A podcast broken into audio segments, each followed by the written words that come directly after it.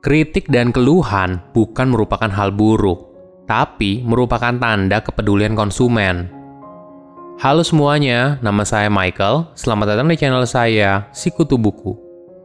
Kali ini saya akan bahas buku Hack Your Haters karya J. Bear. Sebelum kita mulai, buat kalian yang mau support channel ini agar terus berkarya, caranya gampang banget.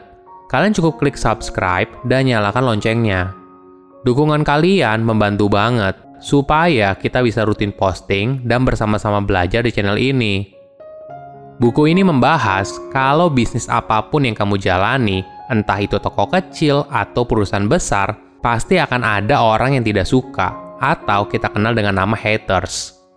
Mereka bukanlah masalah, tapi ketika kamu cuekin mereka, maka haters akan jadi masalah. Ada fakta menarik yang diungkapkan oleh Jay 80% perusahaan bilang kalau mereka memiliki layanan konsumen yang bagus. Tapi ketika ditanya langsung kepada konsumen mereka, hanya 8% yang setuju. Di era digital seperti sekarang, keluhan atau kritik terhadap sebuah produk atau layanan sangat mudah untuk disebarkan melalui media sosial. Jika kita tidak tahu bagaimana cara menanggapinya, maka hal ini bisa menjadi musibah yang sangat besar bagi bisnis yang kamu jalani. Di buku ini, J akan menjelaskan bagaimana kita dapat menangani keluhan dan kritik dari konsumen dengan baik berdasarkan riset dari berbagai tipe bisnis di seluruh dunia. Intinya, kita harus bisa mengubah kritik dan keluhan menjadi hal yang positif. Saya merangkumnya menjadi tiga hal penting dari buku ini. Pertama, perspektif berbeda soal komplain. Banyak perusahaan punya kecenderungan untuk takut pada keluhan atau kritik. Bagi mereka, keluhan atau kritik sama saja artinya dengan mimpi buruk. Jadi, kebanyakan keluhan atau kritik jarang ditanggapi. Bahkan, tidak jarang dianggap sebagai akal bulus kompetitor untuk menjatuhkan bisnis mereka. Jika itu terjadi di zaman dulu, hal ini mungkin saja masih bisa dilakukan. Namun, sekarang sudah tidak bisa. Hal ini disebabkan cara orang menyampaikan kritik dan keluhan sudah berbeda. Jika pada zaman dulu ketika ingin menyampaikan kritik melalui telepon dan email, sekarang bisa mudah dilakukan dengan akun media sosial pribadi atau bahkan menuliskan online review. Pergeseran ini membuat perusahaan tidak boleh mengambil opsi untuk tidak menanggapi sebuah kritik atau keluhan. Di era digital, komplain tidak lagi merupakan hal yang bersifat pribadi. Contoh saja di Twitter, banyak perusahaan besar menggunakan Twitter sebagai media bagi konsumen menyampaikan keluhan atau kritik terhadap sebuah produk dan layanan. Menariknya lagi, sekarang kebanyakan orang tidak masalah apabila permasalahan yang mereka hadapi dilihat oleh orang lain. Hal inilah yang harus dipahami oleh pemilik merek. Kalau tidak membalas keluhan atau kritik adalah langkah yang tidak tepat. Sama saja artinya kamu tidak peduli dengan konsumen kamu. Padahal, setiap 1% konsumen yang puas, maka bisa meningkatkan profit sebesar 25% hingga 85% dalam jangka panjang. Coba bayangkan apabila konsumen itu pergi dan tidak mau membeli lagi produk atau layananmu. Berapa banyak kehilangan yang mungkin kamu alami? Ingat, rumusnya seperti ini. Setiap satu orang yang rela menghabiskan waktu untuk menuliskan sebuah keluhan atau kritik, artinya mungkin ada 10 orang yang merasakan hal yang sama tapi mereka langsung pergi tanpa memberikan informasi apa pun kepada kamu. Inilah sebabnya kamu perlu menggunakan perspektif yang berbeda dalam melihat kritik atau keluhan konsumen. Kedua, tipe pengirim komplain. Jay membagi tipe orang yang mengirim komplain menjadi dua jenis, offstage haters dan onstage haters. Offstage haters adalah konsumen yang menyampaikan keluhan melalui jalur resmi, misalnya melalui email, telepon, atau private message di media sosial perusahaan. Tipe offstage haters biasanya adalah konsumen yang usianya lebih tua dan tidak terlalu familiar dengan teknologi baru.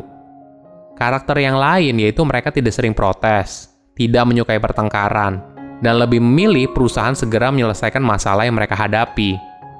Tipe kedua yaitu onstage haters, yang merupakan konsumen yang menyampaikan keluhan melalui media sosial mereka, forum diskusi, kolom komentar, dan website untuk menuliskan review.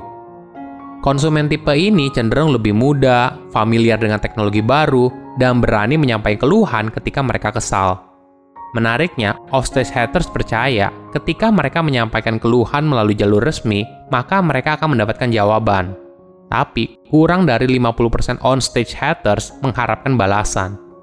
Hal ini berarti, onstage haters lebih penting menyuarakan pengalaman kurang menyenangkan mereka di ruang publik daripada mendapatkan solusi dari permasalahan yang mereka hadapi. Intinya adalah, apa pun tipe konsumen yang komplain, entah itu offstage haters atau onstage haters, coba lihat kritik atau keluhan bukan sebagai hal yang negatif, tapi sebagai tanda peduli. Ketika mereka rela menuliskan kritik atau keluhan, mereka telah menginvestasikan waktu dan tenaga untuk memberitahu kamu. Faktanya, hanya 5% konsumen saja yang cukup peduli untuk melakukan komplain, sedangkan 95%-nya tidak. Jika tidak ada konsumen yang memberikan keluhan atau kritik, apakah ini artinya produkmu sempurna? Atau semua ini malah membuat kamu kehilangan kesempatan untuk melakukan perbaikan pada masalah kecil atau besar yang kamu hadapi? Pertanyaan ini harus menjadi refleksi diri kamu dalam melihat kritik dan keluhan dari sisi yang berbeda. Ketiga, melayani konsumen dengan lebih baik. Di masa sekarang, persaingan bisnis semakin ketat hampir di setiap aspek pasti bisa ditiru oleh kompetitor, mulai dari bentuk, harga, rasa, dan sebagainya. Tapi ada cara untuk membedakan kamu dengan kompetitor, yaitu cara kamu melayani pelanggan, khususnya dalam menghadapi keluhan atau kritik. Ini adalah poin penting yang bisa membedakan antara kamu dan kompetitor. Cuma sayangnya, hanya sedikit perusahaan yang 100% komitmen dalam melayani keluhan konsumen. Bagi kebanyakan perusahaan, layanan konsumen adalah sebuah beban perusahaan, bukan sebagai revenue generator.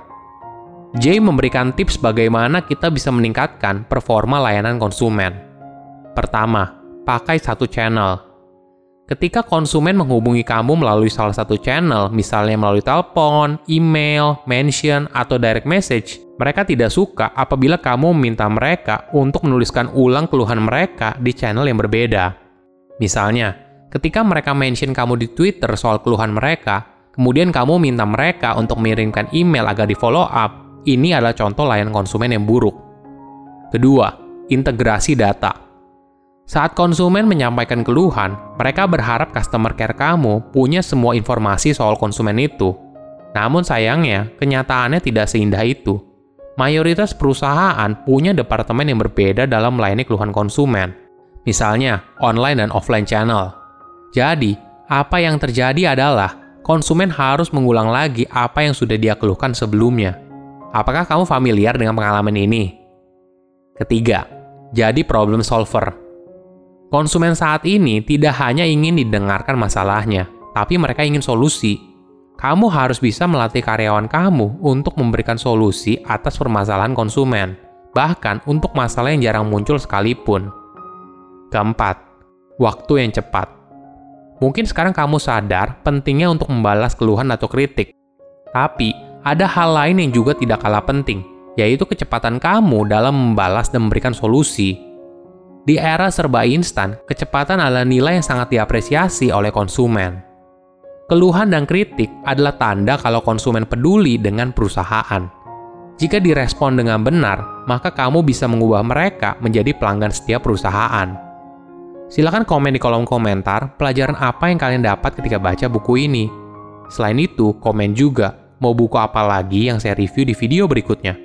Saya undur diri, jangan lupa subscribe channel YouTube Sikutu Buku. Bye-bye.